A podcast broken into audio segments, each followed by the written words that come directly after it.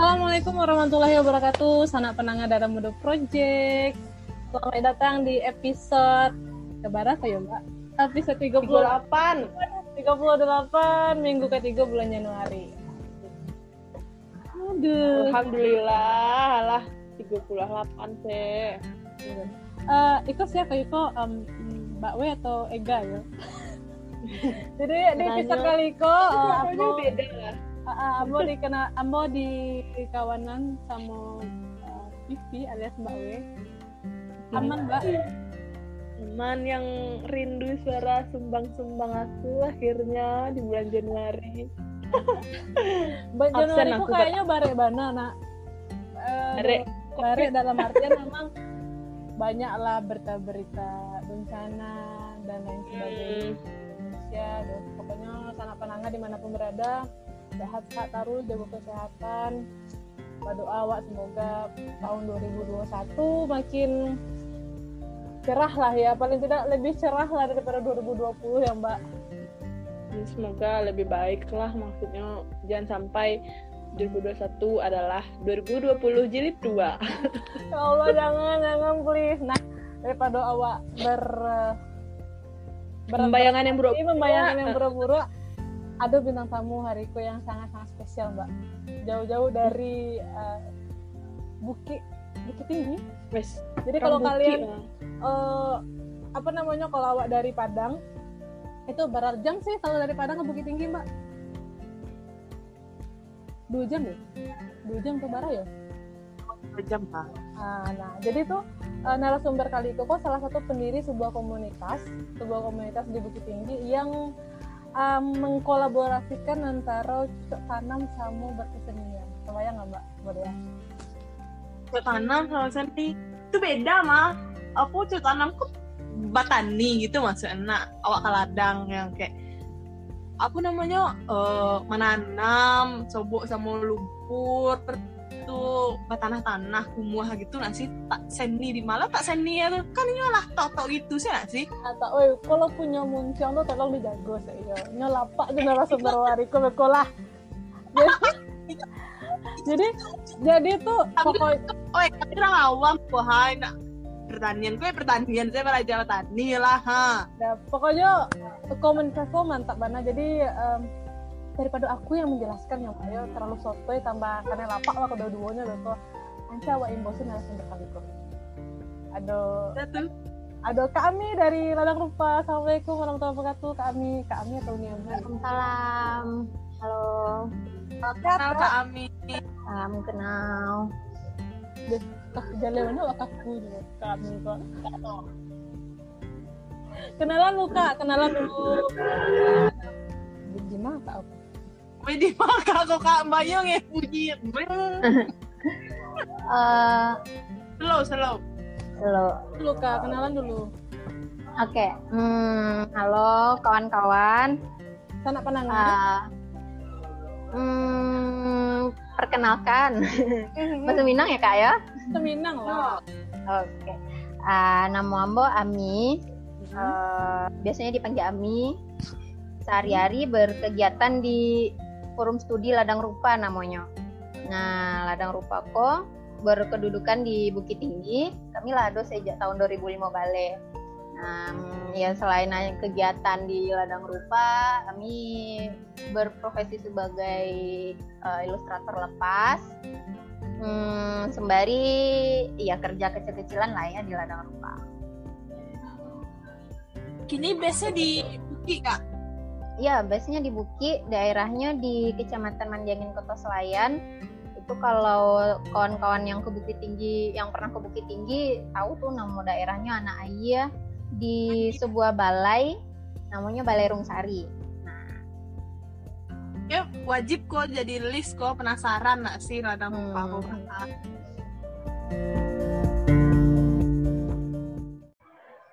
jadi kak ladang rupa kok konsepnya tadi sih Kori menyinggung eh, menggabungkan antara kesenian sama bercocok tanam. Kalau view orang awam kan enggak.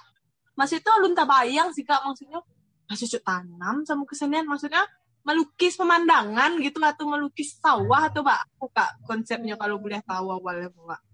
Sembarang sih lah, Jong tuh ya. iya kami nggak tahu. Apa aku harus salah salah bahwa saya nggak tahu loh kak. Boleh mungkin sanak pandangan kan nggak lo tawayang gitu. Pelajaran seni aku buru Oke, hmm, sebenarnya sih kalau dari namanya saya lah menggiring persepsi bahwa bahwa ladang rupaku adalah sejenis apa kali ya? Kelompok seni yang berladang gitu ya. Atau kelompok tani gitu ya. Uh, sebenarnya sih dari ladang rupa kok didirikan nggak pernah ada niatan langsung untuk menghubungkan bertani, bercocok tanam dengan aktivitas kesenian sih. Oh. Cuman waktu uh, kami mendapatkan sekretariat itu ada kebetulan ada lahan yang bagus untuk ditanamin. Jadi sebagian kawan-kawan hobi bercocok tanam. Nah ya gitulah. Sebenarnya nggak pernah jadi itu sih. Bercocok tanam pun nggak pernah jadi inti dari kegiatan ladang rupa. Apalagi mengkolaborasikannya dengan kesenian gitu ya. Uh, cuman di samping aktivitas rutin ladang rupa yang lain, kegiatan bertani kok kayaknya seru juga untuk uh, mungkin jadi semacam upaya menyelaraskan diri Wak dengan alam gitu ya. Uh, karena ternyata efek bercocok tanam kok bagus untuk rohani. Iya gitu. Jadi ladang kok kata yang tepat untuk kayak wadahnya seni dengan alam gitu kayaknya nak. Hmm, kalau sebenarnya hal itu. Hmm, nama ladang rupa kok kalau waknya rada-rada sok filosofis gitu tempat awak menanam segala hal ya. Maksudnya yang baik tanam yang baik tumbuhnya yang baik. Tanam buruk tumbuhnya yang buruk. Hmm, tempat awak mengembangkan diri wa memanen. Iya. Menggarap tanah gitu. Uh, ya jadi semacam harapan sih ladang rupa kok itu akan menghasilkan hal yang baik-baik juga. Begitu. Hmm. lu awalnya tuh emang ladang rupa namanya. Itu awal awal pertama kali cerita itu bahas sih kak.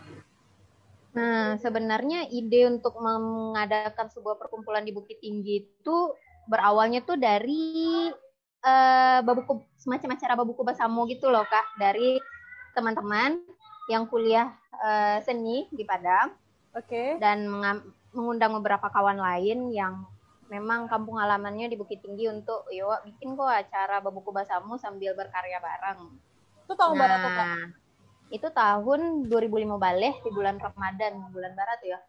Nah, setelah perkumpulan itu dan muncul ide-ide lain, uh, akhirnya dibikinlah sebuah grup BBM waktu itu masih pakai BBM. Asik. Nama grupnya nama grupnya Bukit Tinggi Art dulu. Bukit Tinggi Art. Uh, jadi dari kumpul-kumpul kecil kok muncul kesadaran bahwa wah harus do something kok di kampung wak sendiri hmm. karena masyarakat wak kekurangan sesuatu yang bisa diapresiasi uh, kekurangan wadah untuk belajar kesenian mengapresiasi. Nah akhirnya kumpul-kumpul-kumpul untuk merumuskan uh, dasar kelompok kok nah tercetuslah ide nama ladang rupa. Begitu. Kak berarti kok uh, kalau boleh tahu maksudnya Fir enggak maksudnya mungkin ada kawan-kawan yang tahu. Itu seninya seni apa kak? Maksudnya di ladang rupa kok apakah lukis atau adalah seni instalasi? Namanya kan kak? Tuh adalah mungkin seni yang lain. Uh, seninya sadunya saya tahu apa-apa sih kak. Hmm. nah uh, ladang rupaku sebenarnya lebih berfokus ke pengembangan edukasi seni dan budaya. Uh, jadi uh, kami menatanya sebagai ruang untuk berbagi ide, uh, mendongkrak pemikiran kritis, sampai wak mengolah rasa dan yang wak tawarkan itu adalah metode pendidikan kritis untuk pelaku seni dan masyarakat untuk bisa beraja bersama, bertukar pikiran, uh, menggodok gagasan, terus wak presentasikan bareng. Jadi di dalamnya tuh sih sebenarnya tidak hanya ada satu background seni tertentu gitu ya. Di dalamnya ada hmm. macam-macam, ada pelaku seni rupa, ada musik, ada seni pertunjukan, Uh, dan sebenarnya ladang rupa sebagai alternatif pendidikan uh, berusaha melawan semacam arus jelek kali ya. Uh, gitu. Kalau misalkan uh, kalau berangkat dari keresahannya pada awalnya, hmm. karena ladang rupa kok rata-rata dibentuk oleh teman-teman yang berkuliah di UNP, maksudnya yang dididik untuk menjadi guru seni budaya Mm-hmm. Uh, Wak mencari kok dalam praktik perkuliahan dan praktik di pendidikan formal ternyata institusi pendidikan seni atau kampus gitu belum mampu memberikan ruang bagi diskusi-diskusi mengenai perkembangan seni terbaru. Nah, dan ini selalu bertahan dalam metode pendidikan yang mandek, uh, nggak memfasilitasi daya kreatif, dan wadah-wadah seperti itu justru temukan di luar kelas ya, di perkumpulan mahasiswa, di ruang-ruang alternatif kayak kalau dulu dari dulu ada yang namanya Belana di Padang, rumah ada seni. Uh, lewat ruang alternatif kok lah ya kayaknya awak harus lebih update kok perkembangan kesenian awak secara gagasan dan praktik. Nah, akhirnya lewat kesadaran tuh awak harus bikin di kampung wa. Nah, pokoknya ada lah yang namanya ladang rupa begitu. Menarik sih kak. Sumpah itu tuh kayak pakem pem, apa pendidikan kritis tuh memang susah sih untuk dijalankan di lingkungan formal yo pendidikan formal yo uh, sebenarnya ini ladang rupa sekitar 9 bulan belakangan itu baru menyesuaikan diri sama tempat baru di Balai Rongsari dan memang agak fokus ke penataan ruang. Uh, sembari Iko yang menunggu COVID untuk bisa melanjutkan agenda rutin yang sebelumnya pernah dilaksanakan di tempat sebelumnya sebelum covid. Mm-hmm. nah makanya kayaknya ke dan aktivitas bertanam pun ada semacam program khusus ya di ladang rupa. Kami membagi program tuh berdasarkan skalanya tuh ada program besar kecil dan program harian nah program harian kok salah satunya adalah program para Arya namanya nah aktivitas bercocok tanam kok lah yang difasilitasi di bawah program para Arya. Oh, para Arya gitu. namanya kak? Para Arya namanya. Nah, hmm. kayaknya kalau diban kalau dibayangkan nah, kak perjalanan ladang rupa lima tahun ke belakang sampai kini itulah berarti itu adalah enam tahun ya kak ya lima tahun ya lima tahun. Lima tahun. Pasti tuh yang di awal berawal kumpul-kumpul kumpul apa kumpul-kumpul buku basamu tekan terus uh, sampai memang tabu struktur yang struktur uh, komunikasi yang rigid tuh kan kak. Um, ad, dari awal tuh ada nggak sih? Dari awal tuh ada support sama pemerintah atau bahas sih kak biar bisa long lasting sampai kini lima tahun gitu loh kak. Biar jadi pembelajar juga bagi anak-anak yang lain yang dengar mungkin sanak pandangan yang lain. Siapa tahu juga punya komunitas kok bisa bisa sustain ladang rupa sampai lima tahun itu kak? Hmm, lima tahun kok sebenarnya pengaruh Pemda terhadap ladang rupa nggak terlalu apa ya? Hmm, mungkin maksudnya sokongan fasilitasi gitu ya? Hmm, betul, betul. enggak sih ladang rupa ya sampai bahkan sampai tahun kelima kok udah masih dalam proses berdarah-darah gitu loh. Mm-hmm. uh, ke ladang rupa tuh berarti selain pergi belajar juga pergi mah bisa-bisan badan mungkin. Maksudnya bukan apa ya? Berkarya um, ya berkarya. Um, terus dan sejauh kok sih menurut kami kayaknya pemerintah nggak terlalu memberi perhatian yang apresiatif. Berarti apa tuh kak? Kecuali untuk uh, ngasih izin kegiatan gitu, paling. Berarti alun terfasilitasi mana kayaknya oleh Jo kalau dari gambaran Vivi sih kak maksudnya mungkin kalau itulah mungkin kekurangan provinsi awak. Nah, kalau mungkin awak ke Jogja, awak ke Bandung, mungkin apa namanya seni lah difasilitasi bana nak dari pemerintah daerahnya gitu. Hmm, hmm. Ya kalau yang sih kenapa, awak gak yang belum melihat seni itu sebagai sesuatu yang memang benar dibutuhkan masyarakat ya. Uh, Bukit Tinggi kan kota wisata. Nah, eh, sumber pemasukan daerah utama tuh dari wisata. Ya ketika seni dan budaya kok mungkin belum dilihat Padahal itu hmm, satu kesatuan ya? Menyokong pariwisata ya ya nggak dilirik-lirik banget lah gitu ya. Eh, sebenarnya nah kami tadi tuh em,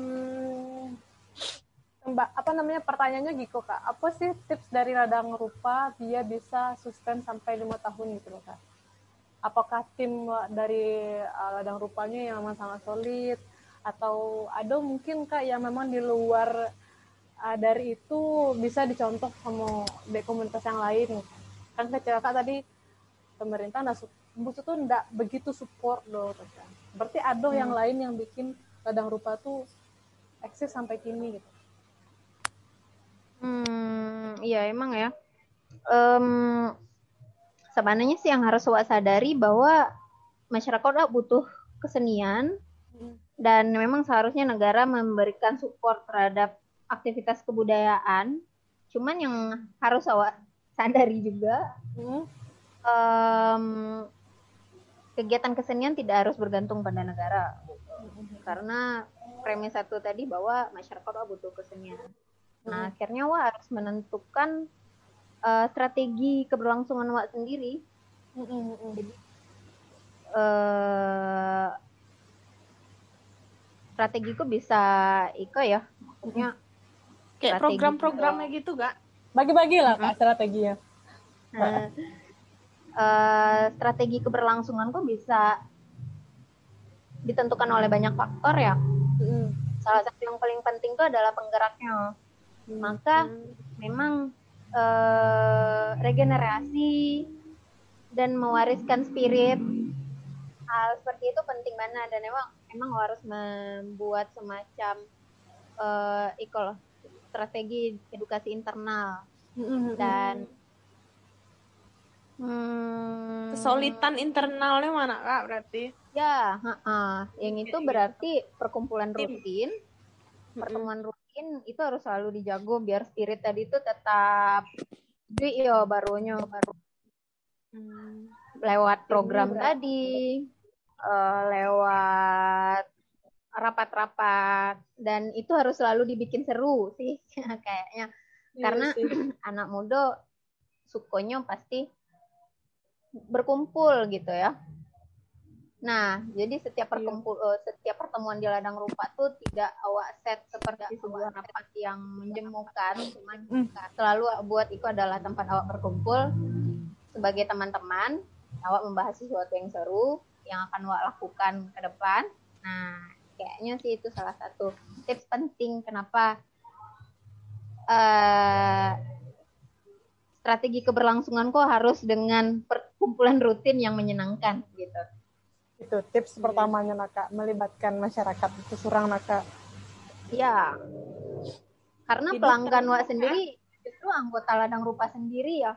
Maksudnya yang akan mengikuti kegiatan rutin seperti bioskop taman, menarik itu adalah ruang film alternatif. Terus eh, program rutin lain kayak kelas rasuah. Nah, di situ hanya praktek pendidikan kritis tadi wak kembangkan metodenya. Itu pelanggannya adalah anggota itu sendiri justru dan beberapa tamu lain. Nah, cuma sebagian besar memang di antara misalkan hari itu ada program, ada kegiatan yang datang 10, 8 di antaranya adalah anggota rupa sendiri. Nah, Hmm. gitu. Kok dibuka umum nggak sih kak kalau program-program tadi ada berapa apa eh, apa Bioskop taman. Ya, Tadi tuh- selalu dibuka umum, selalu dibuka umum. Oh. Cuman kegiatan yang ada semacam segmentasi pelanggan yang iya, pelanggan Eh, kayak ladang kids itu memang dikhususkan untuk anak-anak gitu. Nah, selain yang itu tuh dibuka untuk umum saja sih. itu everyday kak mas. Everyday tiap hari maksudnya. Atau ada jadwal. Ada Hmm, jadwal-jadwal tertentunya gitu. Misalnya bulan iko eh, dua dua minggu kedua sama minggu kampe temanya iko adalah gitu. Apakah itu kayak di dalam tanda kutip dikomersilkan atau emang hanya wadah seni untuk internal aja atau untuk eh, siapa pun buliah kasihko gitu kayak kayak hmm. pameran seni gitu Ya, ladang rupa selalu terbuka setiap hari untuk umum ya. dan kegiatan yang diberkalakan ada juga dan itu selalu diumumkan di Instagram Eh, terbuka untuk umum. Hmm, Oke, berarti kalau kabuki boleh lah singgah ke sini. boleh. Kalau Kalau harus tuh Hari- harus harian itu Iya. ada program para Ria itu tuh berlangsung setiap hari para Ria. Terus perpustakaan ladang rupa pun dibuka setiap hari. Oh, tuh catat sana Pak Do Iya. Kabuki, Kepas Sate. Nah, itu saya taruh yang putar-putar sal- sepanjang itu ancak ke ladang Hmm. rupa kak cak seni Jigaran Mato kan. Hmm. Kak, Benar. itu kan dari uh-uh, dari sekian program tadi ada apa taman ri, taman tadi dia ke taman tuh Ria. Ria tadi kak. Apa Nah, ada nak Para Ria, para Arya Kak Ria. Itu kan program rutin. Nah, jadi salah muka lah lima tahun mungkin banyak ya program-program yang lain eh, yang entah itu terjalani atau memang alun bisa terjalani oleh ladang rupa. Ada nak kak. Ya ada ya. itu di luar kegiatan rutin tadi ada program besar yang maksudnya itu kegiatan berskala besar yang butuh persiapan besar. Seperti misalkan pameran, Ladang Hmm. Rupa lah dua kali mengadakan pameran di pelataran dan Gadang. Terus Oh. eh, dua mengadakan program yang namanya Otafest. Nah itu tuh diadakan sering-seringan kok setiap tahun. Kalau Otafest itu adalah kegiatan art camp, camping yang mengumpulkan seluruh pelaku seni di Sumatera Barat di bidang lini kesenian apa pun untuk Mhm. wah, berikan kau sebuah ruang intens selama tiga hari dua malam mengobrol bersama membahas tentang perkembangan seni kita. Nah Menarik itu namanya otak gila. yang kedua kali. Cuman memang di tahun 2020 kok nggak ada kegiatan besar ya secara terpaksa. Waktu Hmm, itu betul. sebenarnya tindakan Otafest tuh akan mengadakan di eh, Otafest ketiga akan diadakan di akhir 2020 cuman nggak tahu karena covid ya hal-hal online seperti aja lah kak. Online aja bikin kak. Online. serius camping itu. online. Betul betul betul itu. Ya, menarik sih. Hmm. bisa bisa kalau sabalunnya ada nggak sih kak. Dalam lupa kolaborasi Jos ya eh, selain sama darah mudo ha. Hmm, ada ya, program-program kolaborasi gitu biasanya.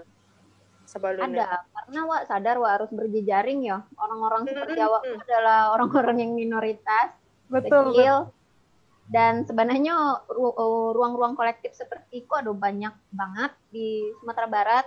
Mm-mm. mau nggak mau Wak harus berjejaring dan saling menguatkan.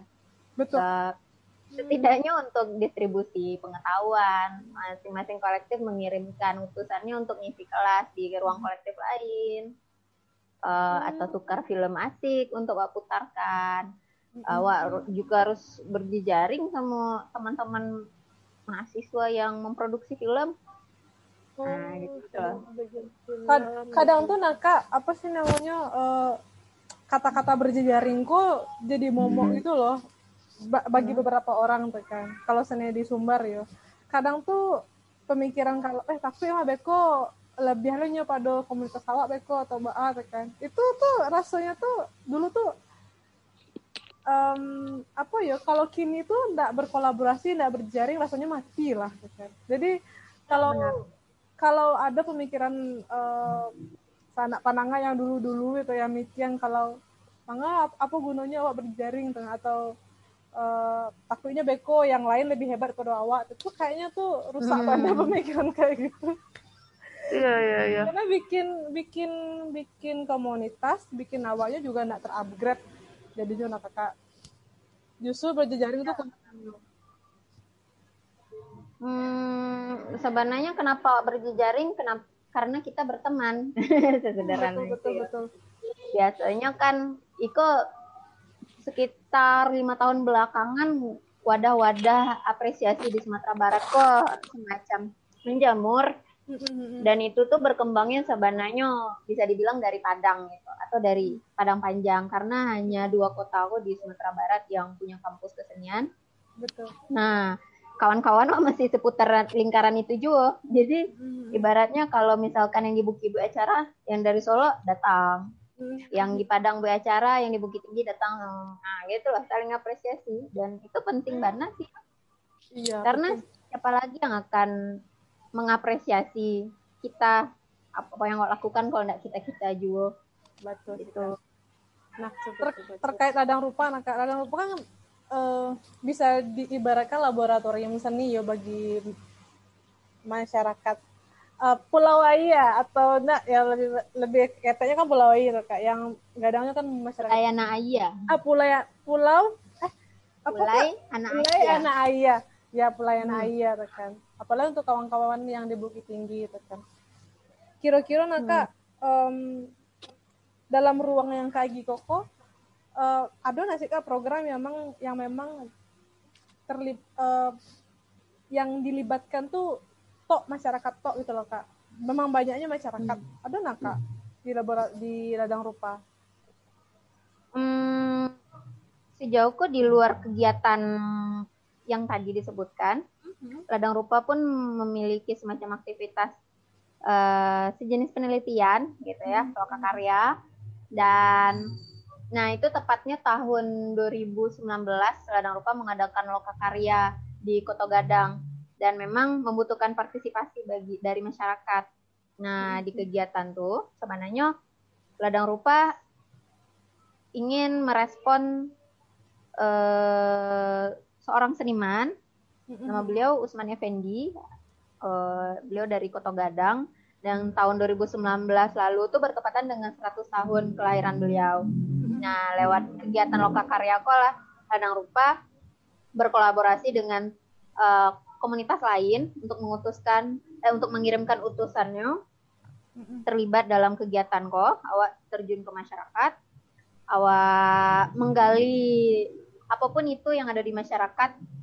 Karena waktu itu tujuan penelitiannya adalah mencari relasi antara Usman Effendi dengan kampung halamannya. Maka ya di situlah selama lima hari ada penelitian kawan partisipan untuk uh, bergabung dengan masyarakat Kota Gadang. Menarik sih sumpah. Ini ladang rupa kok kompleks banget sih kak. Iya. gila gila. Kayak penasaran kalau sama tim gitu, kerjanya. Hmm, Ala luas gitu maksudnya. ke Bukit Tinggi? Jadi sip sip sip. Li diterima kami bego kalau eh, singgah ke ladang rupa kok. Pasti dong pasti. Awak Keren, keren. nggak tahu seni banyak dong ha tuh pengen pengen tahu lo kan Pengen. gitu cari pengen tahu sih sebenarnya kak. Eh, komunitas Iko, kok jujur ya kak ya, aku eh, juga salah satu pelaku pendidikan pem- pemikiran kritis juga di Jogja, tapi rasanya di, di Padang tuh eh, mungkin belum ketemu aja kali ya sama pelaku pelakunya kali nah. Nah, salah satunya memang yang di- yang dibuat sama Ladang Rupa, kok memang sangat-sangat kompleks dan menurutku eh, butuh kerja keras yang cukup besar untuk bisa menghadirkan program-program yang kakak sampaikan tadi itu tekan dan itu tuh telah dilakukan oleh Ladang Rupa selama lima tahun tekan penasaran sih kak komunitas-komunitas apa yang sejenis ladang berupa yang ada di Sumber ya kak ada nggak yang yang yang udah yang ala berjejaring sama ladang rupa? Oh ada. Em, di Padang Mm-mm. itu ada komunitas belanak yang hampir 20 tahun usianya dan sampai hari kok masih berkegiatan. Belana Ada pula namanya Rumah Ada Seni. Nah di Iya. Solo ada komunitas Gubuk Kopi. Di Iya, Payakumbuh iya, iya. ada PYAC namanya. banyak ya Allah Banyak Wah, di di Juang itu ada. PK, PKN Padang Sibusu namanya. Sangat banyak Kak dan itu sebenarnya sih masih teman-teman kita gitu yang selalu diundang setiap ada kegiatan diundang dan diajak berkolaborasi. Ini kan memang harus di DUN yo CC kota kabupaten tuh biar bisa makin narang gitu loh kak Ya, emang benar. Wah, harus menyentuh masyarakat, Wak. Karena tanpa menyentuh secara aktif, masyarakat Wak nggak akan pernah sadar bahwanya butuh butuh kesenian dan kebudayaan. cek lagi gua nih apa harapan kami terhadap ladang rupa eh, untuk ke depannya gua bolehlah sharing. Banyak semoga banyak lo malaikat yang dan yang mengaminkan dari sana-sana pandangan lo Harapannya memang Ladang Rupa mampu menyebarkan gagasan-gagasan baik lebih banyak ya. dan itu pasti butuh partisipasi anak-anak muda Bukit Tinggi. Eh, ya semoga kegiatan-kegiatan kita lebih ramai, lebih menghasilkan, eh, lebih mampu mengajak teman-teman untuk berkarya bersama, dan semoga lebih banyak ruang-ruang seperti ladang rupa ya, karena itu adalah rasanya membangun kampung halaman eh, di tanah yang gersang gitu untuk wilayah kesenian itu adalah kerja yang berat. Maka harus lebih banyak lagi wadah-wadah seperti ini. Hmm. Eh, orang-orang yang mau berdarah-darah seperti ini, eh, mau buang-buang waktu seperti ini. Gitu. Tapi keren kok asli, keren bana Oh, maksudnya. aku nih ono berdoa pada ladang rupa serius. Iya, semoga tuh seni itu jadi uh, kota seni itu apa provinsi seni itu Sumatera Barat, Laijan, Jogja, Bandung. Itu kayak gitu saya Naco. Jadi kayak awak ada lo identitas seni padahal orang orang Minang tuh kayaknya santiang seni dulu dari zaman dulu lah. Kamu itu sih, aku- kalau aku aku kebetulan mbak gadang di Padang kak, tapi Padangnya enggak Padang kota, ada Padang pinggir bungus kak. Jadi tuh rasanya tuh kadang iri sama kota Bukit Tinggi. Dulu pertama kali waktu jalan-jalan SD ya kak, pai ke Bukit Tinggi. Itu rasanya tuh lah pai ke Jakarta kak. Padahal benar Sanang bana. senang mana karena memang rasanya tuh Bukit Tinggi itu apa ya kalau dibilang kalau untuk untuk dulu dulu zaman zaman dulu ya untuk anak-anak kampung tuh rasanya tuh lah maju mana atau ke secara arsitektur, secara kesenian dan lain sebagainya.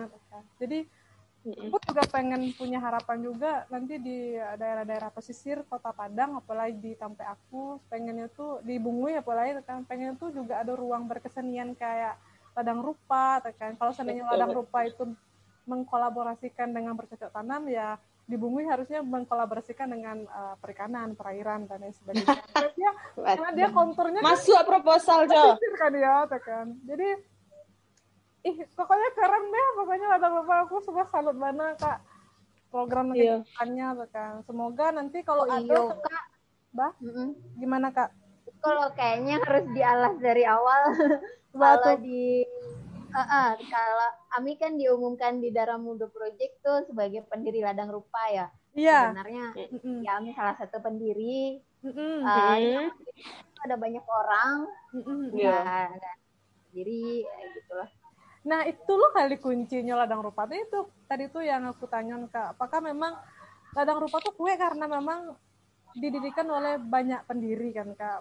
Eh, jadi tuh apa ya eh, mungkin Timnya bisa solid. jadi, sa- eh, eh, jadi sa- satunya Lita bisa yang lain mangke itu kan. Gitu aja sih itu kan kak kira-kira terbuka. Nah kak kalau seandainya ada anak-anak komunitas baru atau yang bibit-bibit lah istilah komunitas yang pengen mengadakan hal yang sama dengan ladang rupa boleh kali ya kak ya belajar dengan ladang rupa Mbak cara membina atau enggak em, apa sih namanya tuh manajerialnya atau apa sih yang perlu dilakukan dulu untuk membangun komunitas seperti Iko gitu. Kalau sanak pananga ada yang punya harapan juga Ingin gitu, kolaborasi pengen atau kolaborasi. mungkin baraja. kolaborasi kali ya mbak ini pengen buek lo Baraja gitu kan. Hmm, pasti dong yo, karena lu- ladang rupaku adalah ruang belajar bersama dan kita kita yang di ladang rupa pun masih dalam proses belajar. Eh, di situ sadonya adalah guru, sadonya adalah murid, gitu bisa dibilang. Hmm, pasti dong, kapan-kapan bisa main ke ladang rupa. Tidak cukup waktu satu jam atau sampai 45 menit kami mau tas sama kami do. Pengen mana sebenarnya kenal sama pendiri-pendiri yang lain tapi rasanya kalau seandainya mau tas di the podcast rasanya beku payah lah membedakan suaranya yang ma emangnya suara kami emangnya suaranya petang tuh kami menghubungi abang siapa yo? Hmm, Rian? agak panjang rambutnya tapi udah tahu sih. Oh iya, itu Bang Rian. Ah, iya gitu dari sejak awal ladang rupa berdiri sampai sekarang itu eh, sebagai ketua ladang rupa. Pokoknya sampaikan salam hormat kami dari Dalam Mudo Project untuk uh, pendiri-pendiri yang lain kak. Karena Ya. pokoknya semangat taruh uh, semoga banyak benih-benih yang lain muncul seperti radang rupa. Karena kalau enggak anak muda yang hidup sosial lah gitu loh Kak. Hmm. ya benar Betul lah Naco. Semoga la- ladang rupaku tetap berkarya sampai ke depan ke depan ke depannya jadi lebih banyak karya Amin, amin. yang bisa Begitupun ya. dalam Mudo Project. Amin.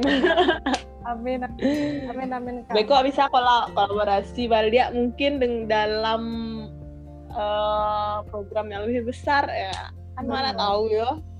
Juga semoga lah semua sesuatu yang awak kerajuan ko bermanfaat untuk masyarakat, untuk orang-orang sekeliling awak, bahkan untuk diri awak seorang kan gitu. Mm-mm. Terakhir mungkin eh, untuk sanak pananga yang ada di, di sekitaran Bukit Tinggi jangan lupa sehingga kadang rupat. Cilo-cilo ilmunya banyak banget yang bisa eh, diskusi sama kami sama Bang Aryan tadi. Iya. Pokoknya banyak lah. Tadi em, sekilas mencari lihat profil Ladang Rupa di YouTube banyak kironya pendirinya kan gila gila pokoknya keren. Tapi jangan cilo oh, ladonya nak ladonya masih babuah babungo jadi beko ndak bisa makan kawan-kawan di Ladang Rupa tuh. Pokoknya kok lah jadi list aku sih kalau kamu tinggi, Co. Oh ya serius. Iya Kilo gimana? lado nggak ada tapi bawa gorengan. Oh iya iya iya. Dah. Modal gorengan sih mbak bisa. Iya boleh lah tuh. Baru gorengan kan, bisa mau talamu kan. Ya gitu kak, kami mau kasih banyak sharing-sharingnya. Semoga banyak anak-anak muda yang terpantik juga untuk mengadakan atau mengadakan atau mengeksplor ya ruang-ruang sekitarnya untuk menjadi uh, ruang edukasi yang yang kritis ya kak ya. Amin. Biar awak makin peka sama um, isu-isu yang ada di sekitar awak juga. Hmm, anak muda nggak dipandang cuma jadi beban dari masyarakat sudah.